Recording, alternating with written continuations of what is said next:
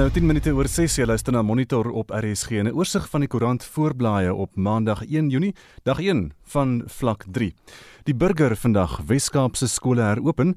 Dis bevestig deur die LER vir onderwys Debbie Schiefer in die provinsie se onderwysdepartement gaan hom nie steur aan die laat aand uitdraai van die nasionale minister nie. En ook 'n berig oor drie rowers wat 'n tonnel gegrawe het tot binne in 'n drankwinkel. Hulle kom maar net gewag het uh, tot vandag. Beeld uh, beeld in Volksblad se opskrif graad 7 en graad 12 eers terug op 8 Junie. Personeel sal vandag begin voorberei. Ouers het heeldag gister gewag vir minister Angie Motshekga se aankondiging waarvan daartoe niks gekom het nie. Sy sal glo vandag praat en 'n berig ook wat sê wat trek jy vandag aan drankwinkel toe. Business Day se opskrif ANC on the hunt for infrastructure funds. Dis die ANC wat praat oor hoe om die ekonomie post-corona weer aan die gang te kry en het idees soos dat pensioenfonde moet kan belê in die ontwikkelingsfinansierders soos die Ontwikkelingsbank en die Openbare Beleggingskorporasie wat groot infrastruktuur kan bou met daai pensioengeld. Die ANC wil ook hê die Reservebank moet 'n groter rol speel en terugkeer na sy tradisionele rol as die regering se bankier. Internasionaal op bbc.com geweld bars los op dag 6 van protesoptrede in die FSA oor die dood van George Floyd en aandklokreëls is in 40 stede ingestel. Ondespolisie het in New York en op ander plekke met betogers vasgesit. 5000 nasionale waglede is ook geaktiveer. En is vinnige oorsig van die nuus vanoggend. Daar het gister grootskaalse verwarring geheers oor of kinders vandag terug gaan skool toe of nie. Die minister van basiese onderwys, Angie Motshekga, sou gisteraand 6:00 'n formele aankondiging gemaak het, maar die media-konferensie is uitgestel na 11:00 vanoggend. Die departement se woordvoerder, Elijah Mshlanga, het intussen bevestig dat graad 7 en 12 leerders nie meer vandag terug skool toe gaan soos wat vroeër aangekondig is nie. All the reports indicated that a substantial number of schools were not ready to open on the 1st of June. As a result of this report, CEM took a decision that the resumption of duty by educators and learners would not happen on the 1st of June. Instead, learners are expected back in school on the 8th of June, and uh, teachers and uh, school management teams and non-teaching staff are expected back at work on the 1st of June 2020. Nou, daar is egter sommige skole wat daarop aandring dat die leerders wel skool toe moet gaan en ons kry na 7 vanoggend duidelikheid oor wat ouers nou eintlik moet doen. Ons wil vanoggend ook weet by jou. Is jou kinders vandag skool toe? Hoe voel jy oor die minister se besluit ter 11de ure om kinders nie vandag skool toe te stuur nie? En hoe voel jou kinders daaroor? Ons brug ook net voor 8 oor die legendariese bokser Gerry Coetzee. Hy is nou weer in die nuus met 'n fliek getiteld Gerry wat die legendariese bokser op die silwerdoek gaan vir ewig. Watter helde uit jou jonger dae onthou jy nog en hoekom is hulle so spesiaal. Jy kan vir ons 'n SMS stuur die nommer daar 45889. Onthou dit kos R1.50 per SMS en jy kan gaan na Facebook by facebook.com vorentoe skynstreep ZRSG of WhatsApp vir ons stemnota na 076 536 6961 076 536 6961. Dis nou 14 minute oor 6 in die matriekjaar is gewoonlik 'n besige tyd vir leerders. Die klas van 2020 het egter reeds 2 maande se skoolwerk verloor, al kon hulle van die leermateriaal tuis studeer. Justin Kennerly berig. Volgens die jongste inligting keer graad 7 en 12 leerders eers volgende week 8 Junie terug skool toe. Leerders moet dan hul skoolwerk inhaal en terselfdertyd hulself beskerm teen COVID-19. Hierdie matriekleerling van Durban sê hoewel sy graag wil terug aan skool toe, is sy bang vir wat kan gebeur. Going back to school has both its pros and cons. Pros being that I can finally go back to being in front of a teacher that'll guide me through the right path, as this online learning hasn't been good on my side. Cons being that I could possibly be exposed to the virus and further expose my family as I'm living with my grandma and my smallest siblings. Sy sê sy is angstig oor hoe hulle die verlore skoolwerk gaan inhaal. In the midst of it all, the announcement of the Minister of Education that the matric final exams won't be altered in any way further added to my stress. Nog 'n leerder van Durban is bekommerd oor die matriek eindeksamens. I don't know if I'll be able to work under pressure and be able to also achieve the A's that I wanted to achieve. I'm worried about schoolwork, all the work that we've put on hold, if I'll be able to catch up with it when I come back from school. It's a big step for me. We are scared. We are scared if we'll perform the way we wanted to perform in our finals. Nie alle studente wil teruggaan skool toe nie. Die student en sy gesin oorweeg steeds hulle opsies. I do do well in school. I feel that the year that I've gained in school, I've been losing the year. But I feel if I go back next year, I'll, I'll still be fine because I already know the work. So I feel I'll still do well. But I don't really know what to do now because the government is like putting pressure on the schools and the children and the teachers. Because teachers, for sure, they are frightened as well. Hy sê hy is ook bekommerd oor die eksamens wat 'n belangrike rol speel vir universiteitstoelatings. Remember that our trials start in September, like end of September, August 10. Now, how are we going to prepare for that exam? And that's a very crucial exam because it decides your future. 'n Kliniese sielkundige, Dr. Sharona Rawat, moedig ouers en onderwysers aan om op te let na leerders se geestesgesondheid. Each child is unique. And each individual shows their signs of coping or lack of coping in different ways. The most important thing for parents to do is communicate with their child and for teachers to communicate with their students. Notice any changes in temperament, behavior, or character. Always ask and check in and err on the side of caution. Get help for your child or student should you become uneasy or alarmed with their progress or behavior. Daar is steeds leerders wat optimisties is. I hope the class of 2020 will be seen as the class that prospered through these extraordinary circumstances. Hopefully, with the good attitude, next year, January, we'll be able to tell everyone a story of how we rose for the challenge. Hierdie verslag deur Genevieve Blanca in Durban en ek is Justin Kennerly vir SAK nuus. Die eerste ruimtevaders wat deur 'n privaat maatskappy, die Amerikaanse ruimtemaatskappy SpaceX, in die ruimte gelanseer is, het by die internasionale ruimtestasie aangekom. 'n Senior navorsingsgenoot by die Suid-Afrikaanse Nasionale Ruimteagentskap, oftewel SANSA, Dr Pieter Kotse, sê die twee ruimtevaders, Doug Hurley en Bob Behnken, gaan vir die volgende ruk baie besig wees. Die tydperk wat hulle daar gaan bly is op hierdie stadium nog nie vasgelê nie, maar dit kan maklik iets soos 3 maande wees. So hierdie lansering is eintlik 'n toetsvlug in die breë sin van die woord. Op pad na die ruimtestasie toe gaan beide hierdie ruimtevaders Hurley en Benken 'n toetse doen om sekere stelsels te toets aan boord van hierdie Dragon kapsule. Want dit is nog nie getoetste tegnologie nie. Sommige van die goed is nuut en moet dit verifieer vir verdere ruimtevaarte en ook sodat NASA dit éventueel kan sertifiseer dat dit veilig en geskik is vir verdere beplande ruimtevaarte na byvoorbeeld die maan en ook verder as die maan. So wanneer hulle by die internasionale ruimtestasie aankom, gaan hulle deelneem aan sekere van die eksperimente wat alreeds aan boord is.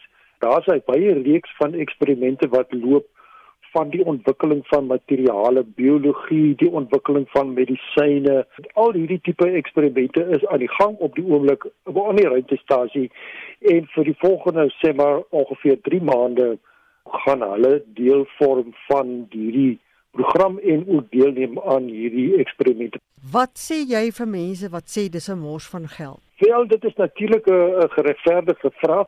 Maar as ek kyk oor die afgelope 20 jaar wat bereik is aan boord van die internasionale ruimtestasie, is daar ongeveer 2500 eksperimente uitgevoer en baie van hierdie eksperimente vind weer hulle neerslag tot die voordeel van die mensdom terug op aarde. Byvoorbeeld watersuiweringsaanlegte. Dit is natuurlik iets van kardinale belang aan boord van hierdie ruimtestasie want hulle kan nie ad infinitum water opvervoer nie. Hulle moet die water wat aan boord is hergebruik.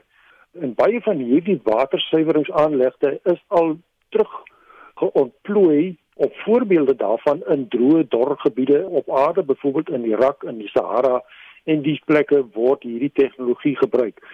Die meeste van ons het al in 'n voertuig gery en die hol gevoel op jou maag begin kry wanneer jy tussen niks en nêrens op pad is en die brandstofnaald begin skielik gevaarlik laag te raak. Nou die eksperimente of navorsing aan boord van hierdie internasionale ruimtestasie of een daarvan is om 'n effektiewe ontbrandingsmeganisme te ondersoek wat byvoorbeeld in jou gewone ontbinnebrand engine kan geïmplementeer word want ons moet onthou dat aan boord van hierdie ruimtestasie is 'n unieke laboratorium waar gravitasie nie 'n rol speel of 'n baie klein rol speel. So 'n mens kan prosesse ondersoek wat nie andersins moontlik is op aarde waar die gravitasie eintlik 'n steurende faktor is in jou fisiese meganismes wat jy besig is om te ondersoek. Nie. So in daai opsig kry ons alweer 'n terugvoering vanaf die rentestasie in byvoorbeeld motortegnologie.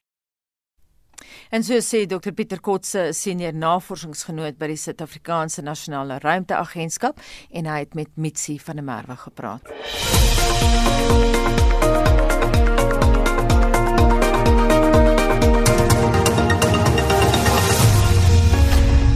Die Reservebank het 'n hofstryd verloor oor toegang tot rekords oor finansiële misdade gedurende apartheid. Navorsers van die Open Secrets Project wat materiaal vir 'n boek versamel, het 'n versoek gerig aan die bank ingevolge die wet op die bevordering van toegang tot inligting. Die aansoek het misluk.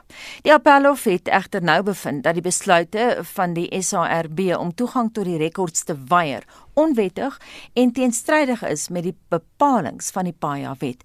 En ons praat nou hieroor met die direkteur van die nie-regeringsorganisasie Open Secrets, Henny van Vieren. Goeiemôre Henny. Môre net, môre net lesdaas. Geef ons kortliks die agtergrond hier. Ja, Anita, dit is 'n ou stryd hierdie. Ons het al seker in 2014 saam met uh, die Suid-Afrikaanse Geskiedenisargief, die South African History Archive, aansoek gedoen aan die Reservebank uh, vir inligting oor agt agt mense wat betrokke was wat ons glo betrokke was in uh ekonomiese misdaad gedurende die apartheidperiode. Dis men, dis dis nou manne soos uh Vito Palazzolo, 'n uh, uh, uh, uh, mafia uh, figuur, Craig Williamson, die die um apartheid uh, spioen, uh, spioen ehm um, uh Paul Icon wat glo by goudsmokkel handel uh, betrokke was in die 80 en 90e jare en so aan. Ehm um, en dit was inligting wat eintlik in die in die in, uh, in die ehm um, uh, die publieke belang was waarvoor ons gevra het. So dit was net oor ekonomiese misdaad om te verstaan wat ehm um, daar plaasgevind het wat die Reservebank self deur hulle eie ehm um, what they found through their own investigations and I take back en ehm um, ons het daai inligting verlang want ons het geglo dit was nie net in die in in ons uh waar ons het was vir boek ge, ge, wou gehad het but we knew it was in the public interest. Ehm um, wat natuurlik ongelooflik was was dit die bank van die van die eerste dag af gesê het hulle gaan ons nie toegang aan daai uh, rekords gee nie en hulle het af vir die laaste 6 jare gestry en seker te maak dat klein hier regeringsorganisasie so sa nie uh, toegang sou kry nie. En nie, wat vermoed julle is daar? Wat hoop julle om te kan vind? Ja, Gustav, ehm um, die inligting is soos ek gesê het al, al 20 of 30 jaar oud. Maar wat ons daar was was 'n paar dinge wat hier soort eh uh, uh, wat belangrik is. Ten eerste is dan natuurlik wou ons weet wat die die Reservebank in hy tydperk gedoen het om self um you know to investigate economic crime what they were able to discover uh, and what that can tell us about the networks that were active then and maybe information that isn't in the public right now um but uh, maar tweedens is dit ook belangrik om my prinsip uh, reg te stel dat die reservebank uh vir mense toegang tot inligting moet gee. As ons byvoorbeeld in die Gupta tydperk uh ook aan aan uh uh rekords kon gevra het oor hoe staatskapry plaasgevind het, kon seker you know, we could have probably gained even more information about the movement of money out of South Africa. And this is the key question, which would have helped investigative journalists and others to stop it. And so, for the very first time in the bank's history, they have released, from what we understand, records to the public. And so, it's a principle which is a victory not only for us to understand the crimes of apartheid, but for us also to understand and ensure that uh, citizens gain access to this kind of information in future. En dink gaan dit vir gaan hulle verder probeer met die hofstryd verder voer dalk na die konstitusionele hof toe? Ek hoop nie so nie. Dit is natuurlik ehm um, dit is staatsgeld en dit is eh uh, dit is ehm um, uh, you know, taxpayers' money that is being utilized by the Reserve Bank, and it's a complete waste of money. I think the way we look at the the the, the Supreme Court of Appeal has responded to this, uh, just to state very clearly that the that the Reserve Bank was acting in a manner that was in line with the way in which the apartheid regime um, was was operating in in pr- protecting secrets is a very strong signal for them that they've gone down the wrong path. I think they need to let this go now, let the re- release these records, and recognize that they have a constitutional duty to do so um, in future. And I think an important precedent has been set through this case. Anybei, dankie Annie van Vuren is die direkteur van Open Secrets. Dis 29 minute voor 7 en ons kyk na die SMS terugvoer. Jean is hier. Jean, môre. Môre. Ja, Yuri Brand sê my kind gaan skool toe. As die skool vir die regering gewag het vir beloofde ondersteuning, sal dit 2030 word. Skoolfondsgeld is gebruik om alles reg te kry. Dan Rosetta Swigelaar sê my kind is in graad 7 en hy gaan vanoggend skool toe. Christie van die Vrystaat SMS, wat van ouers wie se kinders in graad 12 is wat gister ver gery het wat in koshuise is dan Stefanie Greiling sê weer my kind is in graad R so nog nie sy beurt nie en ek het 'n maagpyn omdat die departement van basiese onderwys dit 'n politieke ding maak. Dion Strydom het laat weet Deel van die verwarring is dat daar geen onderskeid gemaak word tussen onafhanklike skole en staatsskole nie en volgens die amptelike dokumente mag onafhanklike skole oopmaak net nie staatskole nie. Nog 'n luisteraar sê ons is diep teleurgesteld in die minister. Ons graad 12s is verward en ouers is omgekrap. Onderwysers moet bond staan om almal te kalmeer en te ondersteun. Randy Young sê hy sal kyk of die skool vandag gaan open voor hy sy klein seun stuur. Ons gesels ook oor watter sporthelde jy nog uit jou jonger dae onthou. So Christie van der Merwe sê Keith Oxley is 'n goeie rugby speler en Pieter o Pieter Potgieter, Gert Potgieter, die hakkies atleet askies tog. en dan Johan Potter laat weet dat Gerry Kutse en Mohammed Ali sy boksjelde was, maar hy het net 'n plakboek van Gerry gehad en Dion Esterhuise van Kulsrivier sê weer hy het nog net ou tapes van sy Gerry Gerry se boksgevegte gedurende die 80s. So gesels gerus saam oor wie jou sporthelde uit die verlede is. Jy kan ook saamgesels of jou kind vandag skool toe gaan en hoe voel jy oor die minister se besluit? Stuur vir ons 'n SMS by 45889. Dis teen R1.50 per SMS. En bly ingeskakel want tussen 08:30 en 8:00 het ons daai einste klank van daai boksgeveg wat ons terugvoer na 1984. Dis nou 6:34 hier is Shaun Jooste met sport. Die Suid-Afrikaner Franco Smith is Saterdag op 'n permanente basis as Italië se hoofafrigter aangestel. Smith het verlede November as tussentydse afrigter oorgeneem nadat Conor O'Shea bedank het. Die 47-jarige se eerste 3 wedstryde het nie so goed verloop nie. Hulle is 42-0 deur Wallis verneder, het 17-0 teen Skotland en 35-22 teen Frankryk verloor. Smith was ook tussen 2007 en 13 afrigter van die Italiaanse span Treviso voor in 2015 hoofbreier van die Cheetahs geword het. Hy was ook die bokassistent afrigter in 2017 onder Alistair Coetzee. Sy kontrak is tot aan die einde van die 2023 Wêreldbeker toernooi in Frankryk. Golf. Die PGA Tour het aangekondig dat die John Deere Classic tussen 9 en 12 Julie gekanselleer is. Dit sou die eerste toernooi met toeskouers wees, maar sosiale byeenkomste van meer as 50 mense word steeds nie in Illinois toegelaat nie. Die PGA Tour sal die datum met 'n ander toernooi vul. Die Suid-Afrikaner Dylan Fratelli was die wenner van die Classic in 2019. Die PGA Tour word volgende week in Texas by die Charles Schwab uitnodigingstoernooi hervat. Sterre van die LPGA Tour neem van môre af tot donderdag aan die Vroue Texas Ope in Dallas deel. Bekende so Stacy Loos en Britney Lang is deel van die groep. Die LPGA Tour is nou net 4 toernooie weens die koronaviruspandemie opgeskort en word eers weer in Julie hervat. Die minister van sport Natem Tetwa het Saterdag aangekondig dat kontak en nie-kontaksport van vandag af oefening kan hervat. Slegs nie-kontaksport soos cricket, tennis, golf, roei, kanoevaart, atletiek en skaak onder andere kan weer met wedstryde en reekse voortgaan. Branderplankry en golf vir ontspanningsdoeleindes word egter nie toegelaat nie. En laastens in sokkernuus. Van die uitslae in die naweek se Bundesliga wedstryde in Duitsland was soos volg: Paderborn 1, Borussia Dortmund 6, Mönchengladbach 4, Union Berlin 1, Bayern München 5, Düsseldorf 0 en Freiburg 0, Bayer Leverkusen 1. Shaun Schuster, SAK Sport. Dis nou 24 minute voor 7 en wydverspreide gewelddadige betogings gaan voort in die FSA nadat 'n polisieman verantwoordelik gehou word vir die dood van 'n ongewapende swart Amerikaner. Betogings kom in minstens 30 sture voor en 'n aandklokreël is nou in tot 40 sture ingestel. Die polisiebeampte wat betrokke was by Floyd se dood is intussen in hegtenis geneem en hy is van moord aangekla. En boonop skei sy vrou na van hom. Te midde van al die geweld dreig Trump om nou die weermag in te roep. Ons praat ver oggend met 'n politieke wetenskaplike aan Noordwes se besigheidskool Theo Venter. Môre Theo. Goeiemôre. Een betoger het aan Al Jazeera gesê weet Amerika is daarom nou regtig siek en sat vir rasisme. Dit moet end kry. Hoe wyd versprei is hierdie probleme nou? Ons praat hierso van 30 eh, stede, né?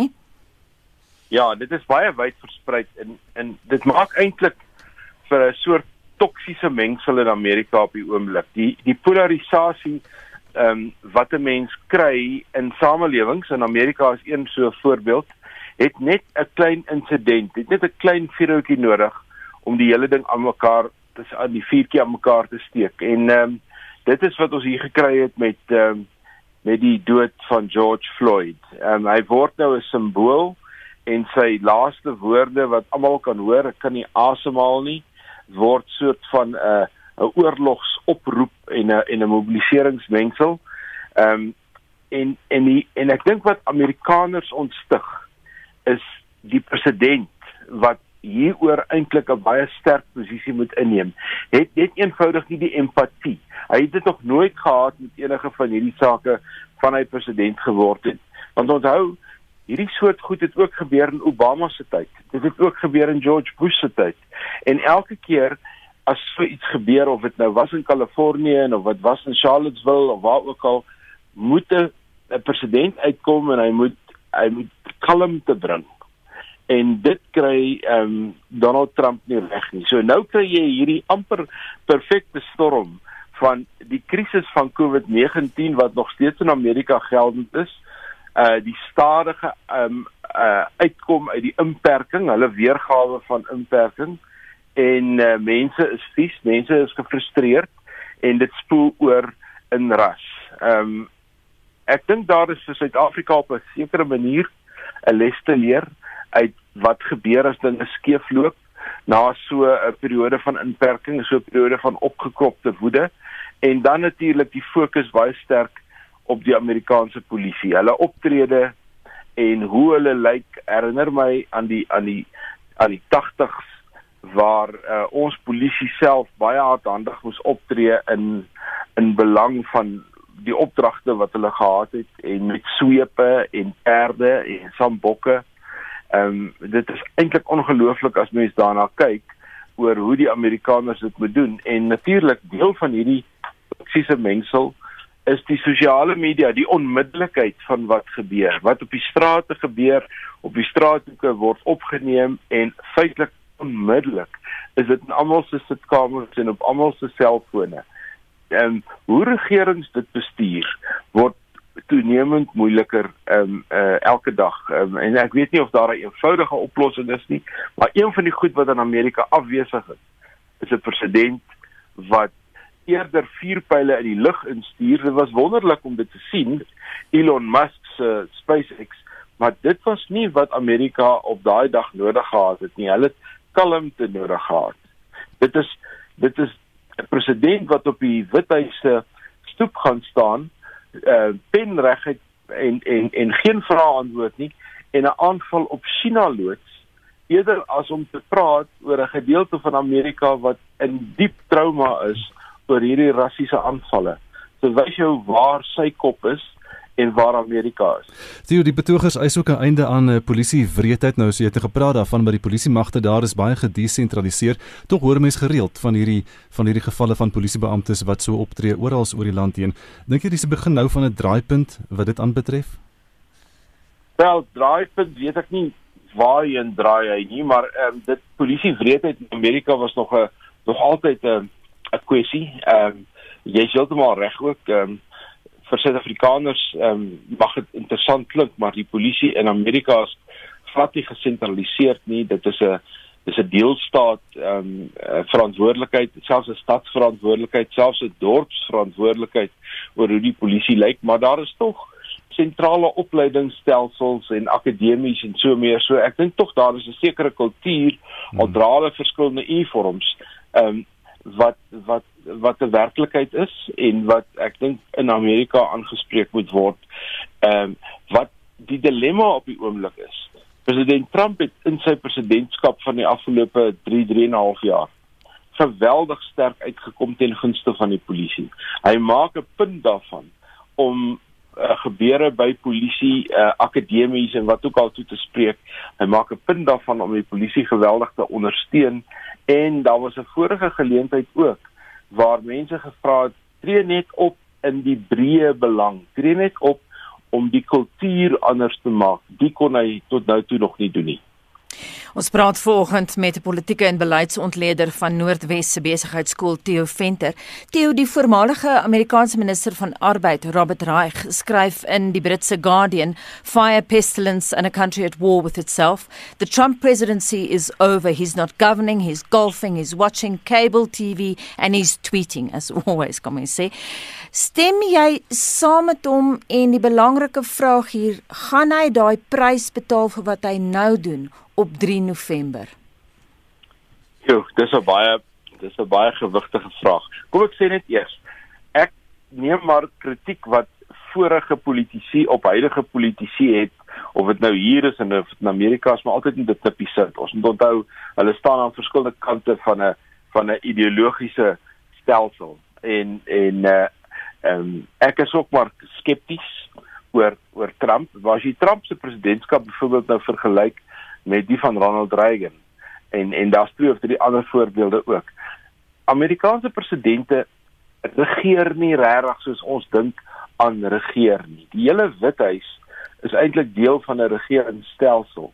En uh, in die geval van Donald Trump doen hy dit meer as byvoorbeeld Ronald Reagan wat maar eintlik net 'n uh, wat in my oë die hoogs betaalde openbare skakelpersoon in Amerika was. Donald Trump het ook sy ego na die Withuis toe gebring. En Donald Trump het ook dit wat hy wil hê en en en 'n nuwe kultuur na die Withuis gebring waar hy absolute onderdanigheid nie aan die Amerikaanse staat soos wat 'n mens verwag nie, maar aan homself vereis. En as jy dit nie lewer nie, dan is jy op jou pad uit en so wys die geweldige omset van raadgewers en persone in die Withuis vir ons oor die laaste 3 en 'n half jaar.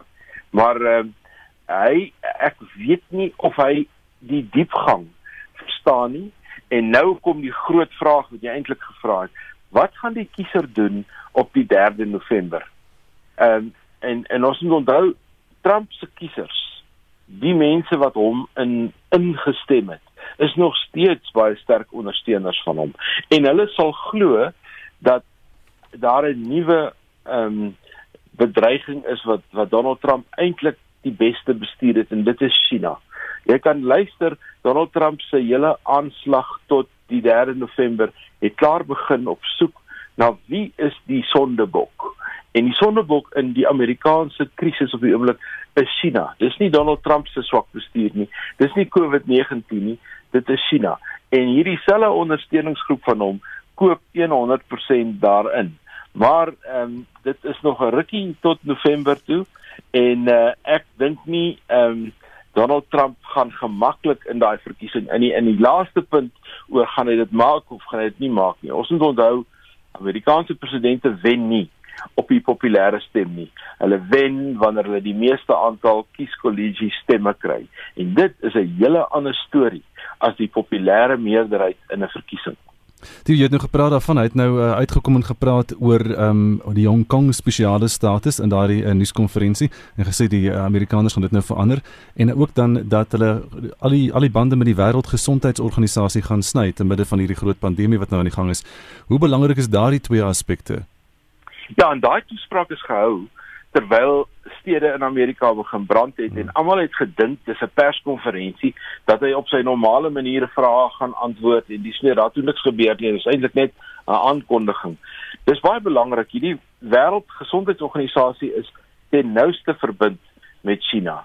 Die Amerikaanse siening of die president se siening is dat die wêreldorganisasie die wêreldgesondheidsorganisasie het agterweë gebly om die optrede van China betyds te kritiseer en die res van die wêreld betyds ehm um, te waarsku oor COVID-19.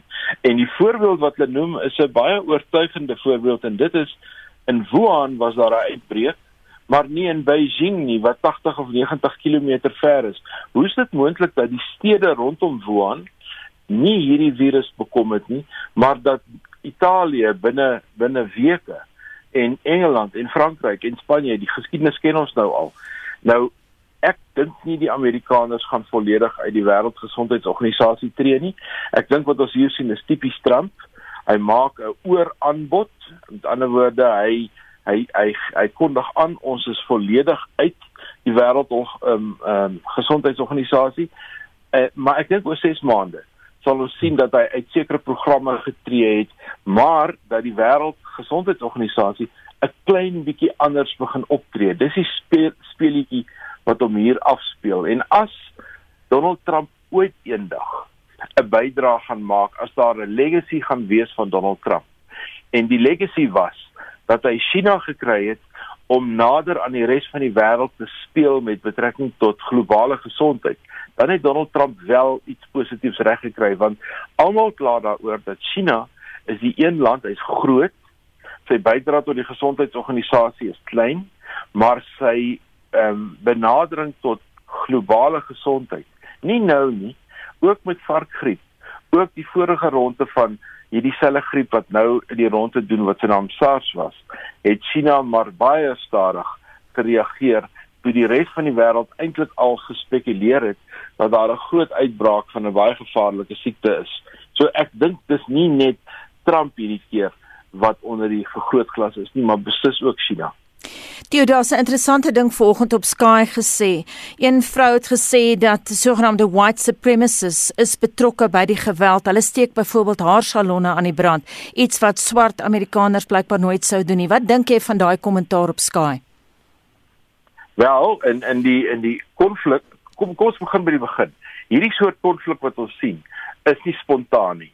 Ehm um, element daarvan is spontaan want mense is gefrustreerd, maar dit word op een of ander manier gemobiliseer. Oral in die wêreld werk dit so. Iemand moet 'n WhatsApp stuur of 'n boodskap of 'n BlackBerry gebruik. Julle onthou nog die die die Arabiese lente wat wat gelyk het soos 'n spontane beweging maar eintlik goed gemobiliseer was op verskillende tegnologiese maniere. Hier lyk dit ook nie anders nie. En dis nie net die die die die white supremacists, uh die ver regse wit beweging wat uh wat hierdie goed doen nie. Daar is ook uh die sogenaamde anti-fascists wat onder die naam Antifa um beweeg wat wat wit mense, hoofsaaklik wit mense is wat teen hierdie ver regse ehm um, ehm um, uh, regse groepe is die die die uh Ku Klux Klan tipe ouens wat dit doen. Ek dink almal neem nou die wapen op en dis nog 'n les vir Suid-Afrika. Iemand het eendag gesê jy kan nie Amerika inval nie en Amerika is nog nooit ingeval nie want daar is net te veel wapens in Amerika en heeltemal te veel ammunisie.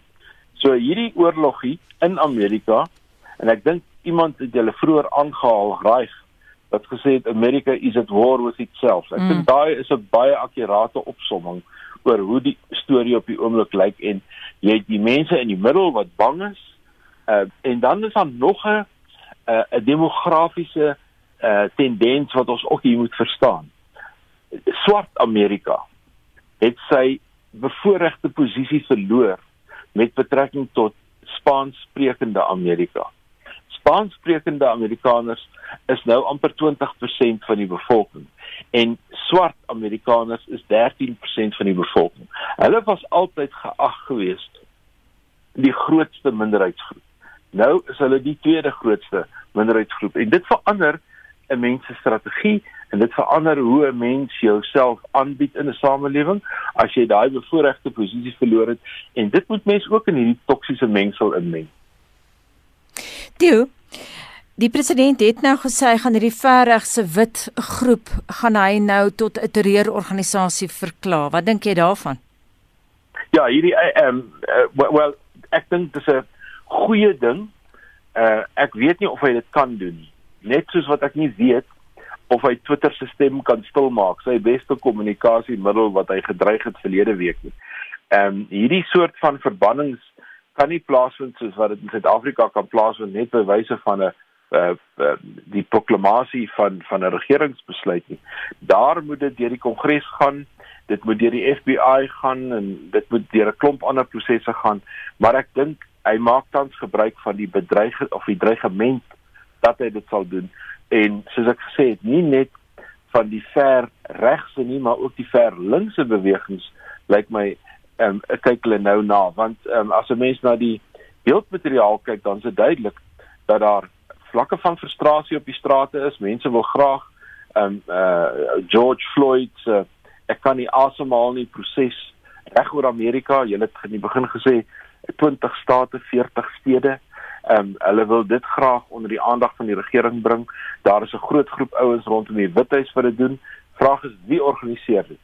Wie maak die ehm um, petrolbomme wat gegooi word en wie beplan watter winkels word um, aan die brand gesteek en watter by watter plekke vind die muitery plaas. So hier is 'n baie komplekse beweging en ek twyfel of die Amerikaanse polisie diens ingerig is om hierdie soort deurlopende konflik um, te hanteer. As 'n mens um, uh oorbewapen is en jou toerusting is te swaar en jy kom met 'n voorhamer op 'n vlieg af dan uh, dan het jy altyd 'n probleem. Net vinnige laaste vraag, dink jy al hierdie gewelddadige protesoptrede, die aanvalle op media soos ons sien op die CNN senter en op verskeie joernaliste in die strate, dink jy dit gaan Trump help in die verkiesing dat sy kiesers dat hulle meer aangewakker gaan wees om vir hom te nou te stem as gevolg van hierdie tonele?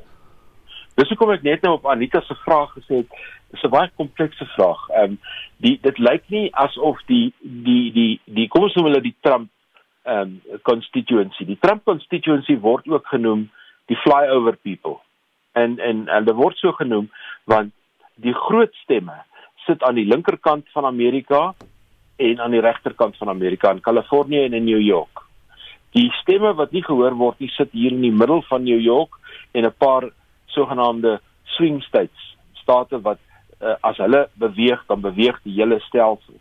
En dit lyk nog nie vir my waar ek nou sit of daai middelgroep uh weggeskuif het van Trump af nie. Ehm um, as 'n mens kyk hoe hulle reageer op Fox News wat eintlik hulle hulle daaglikse spyse is, dan is hulle nog steeds agter hom en wat hy doen kan hulle regverdig aan die hand van die oordrewe kritiek wat hulle het op die linkerkant van die Amerikaanse politiek en wat sleg is is Amerikaanse TV en Afrikaanse ag Amerikaanse media het eintlik nou deel geword van hierdie polarisasie. As jy 'n Trump ondersteuner is, luister jy Fox News en CNN is die duiwel op sigself. Hm. As jy CNN luister, dan is Trump ag dan is Fox News 'n no-go area. Dan kan jy dit nie luister nie en dit is ongelooflik gepolariseer want al hierdie radiostasies en TV-stasies is op 'n manier meriete in wat hulle doen. En baie dankie Theo Venter. Theo Venter is 'n politieke ontleder en 'n beleidsontleder van die Noordwes Besigheidsskool. Noordwes Universiteit het 'n stelsel ontwikkel wat die COVID-19 moniteringsproses van leerders by skole sal vergemaklik. Ons praat nou hieroor met professor Leenta Grobler van die departement ingenieurswese by die NWU se Potchefstroom kampus. Goeiemôre Leenta. Goeiemôre. Kortliks, hoe werk die stelsel? Wel dit begin met 'n ID kaartjie wat ons uitreik vir kind aangesien kinders nie strepe kode ID boekies het nie. Um, met inligting wat die skool vir ons gee. En dan wanneer hulle by 'n siftingspunt aankom, vertoon hulle die kaartjie wat dan maak dat ons die die neerskryfproses heeltemal kan omseil en die kort aan uh, lye rye aansienlik korter maak. So hulle wys die kaartjie, ons gebruik dan die selfoon om die QR-kode op die kaartjie te skandeer, dan gebruik ons 'n gewone nie kontak uh, infrarooi digitale termometer. Ons gebruik dan die selfoon weer eens om 'n foto te neem van die uitsetskermpie wat die temperatuur vertoon en dan gebruik ons 'n uh, beeldherkenningstegniek om daardie inligting outomaties te lees en dadelik te stoor. En dan is die laaste stap om die um gestandardiseerde siftingsvraelys van die departement van onderwys ook dan vinnig op die selfoon te um die antwoorde daarvan vas te lê en dan het ons 'n volledige rekord vir daardie kind wat normaalweg met 'n groot langdradige um, neerskryf en papierproses sou moes gebeur. En die voordeel hiervan is dat die inligting dan reeds elektronies beskikbaar is. En in die hoofse kantoor het ons dan 'n webportaal waar hulle hierdie inligting outomaties en volledig kan sien en reeds dadelik um, deur uh, hulle aandag daarop gefestig kan kry indien daar 'n uh, geval by die hek gebeur waar 'n kind se temperatuur wel bo die die die drempelwaarde hmm. lê. Sou mens hierdie stelsel kon aanpas vir ander gebruike nadat die COVID-19 krisis nou verby is? Ja, ons het sedert die mense begin hoor het van die stelsel wat ons twee weke gelede nog aan die ontwikkel was, het ons van verskeie organisasies um begin navraag kry, kerke, um besighede, myngroepe. So dit kan definitief aangepas word vir enige enige toepassing waar groot hoeveelhede mense se data vasgelê moet word op 'n daaglikse basis. Leenta, julle het nou die stelsel laasweek op Potch getoets en vandag word dit by 8 skole op Potchefstroom, Sekunda en Klerksdorp geïmplementeer. Wat was onderwysers se reaksie? Wat sê hulle self oor die stelsel? Die die terugvoer was ongelooflik positief. Um ek het natuurlik van die begin af geglo in die stelsel, maar dit was my werk om te glo in die stelsel. Maar dit is my ongelooflik 'n groot remoneer om te sien hoe die onderwysers net 'n 'n van verligting sig wanneer hulle dit die eerste keer gebruik en hulle agterkom hoeveel vinniger en hoeveel um, minder spanning hulle gaan ervaar in die oggend as hulle eerder op hierdie manier hierdie kan doen want eh, as daar eers 'n lang ry voor 'n mens staan waarvoor jy 'n klomp data moet vas lê, dan voel jy sommer mis mismoedig. Baie dankie en so sê professor Leenta Grobler van die departement ingenieurswese by die NWU se Potchefstroom kampus. Daar is geen verkeer. Dis die eerste dag van vlak 3, daar's effens verkeer in die gang in KwaZulu-Natal, 'n kettingbotsing op die N2 suidwaarts net voor die Umgeni wisselaar. Die linkerbaan is versper in daardie omgewing. In Johannesburg gevoertuig staan op die N12 ooswaarts na Voortrekkerweg en dan is daar 'n ongeluk gewees. Twee mense is beseer met 'n botsing en daar was 'n brand ook gewees die N1 noord na Nieuwweg in Midrand. Dan kyk ons na die M1 uh, in Durban se omgewing, Higginson Hoofweg op die N2 brug. Daar is 'n botsing en op die R72 in Port Alfred op pad na Oos-London toe, daar was 'n botsing waarby 'n dier betrokke was. As jy weet van enigiets anders, stuur vir ons 'n SMS na 45889 teen R1.50. Ons gesels vanoggend oor wie is jou sportheld uit die verlede. Karel van Wyk van Pretoria SMS Nas was baas. Dan Ger, Gerard van Potchefstroom sê my ou sportheld is Bobby Skinstead Ricky sê ons het in dieselfde straat as Gerry Kutse in Boksburg gebly. Hy het gereeld voor ons huis verbygedraf. Johnny sê my held is Eddie Ludik dan Wouter SMS my helde was Will, Will Roberts Sibyl Kutse en Annette um, Engelbrecht, dan wil ons ook weet by jou gaan jou kind vandag skool toe. Marie Tenison sê nee. John April van Gouda sê my kinders gaan nêrens. Dis onverantwoordelik en onveilig. Theo ba Bauman sê my dogter gaan vandag terug skool toe. Hanna van Sail sê ons skool was gereed. My kind het gistermiddag in haar skoolklere rondgeloop om seker te maak alles pas nog.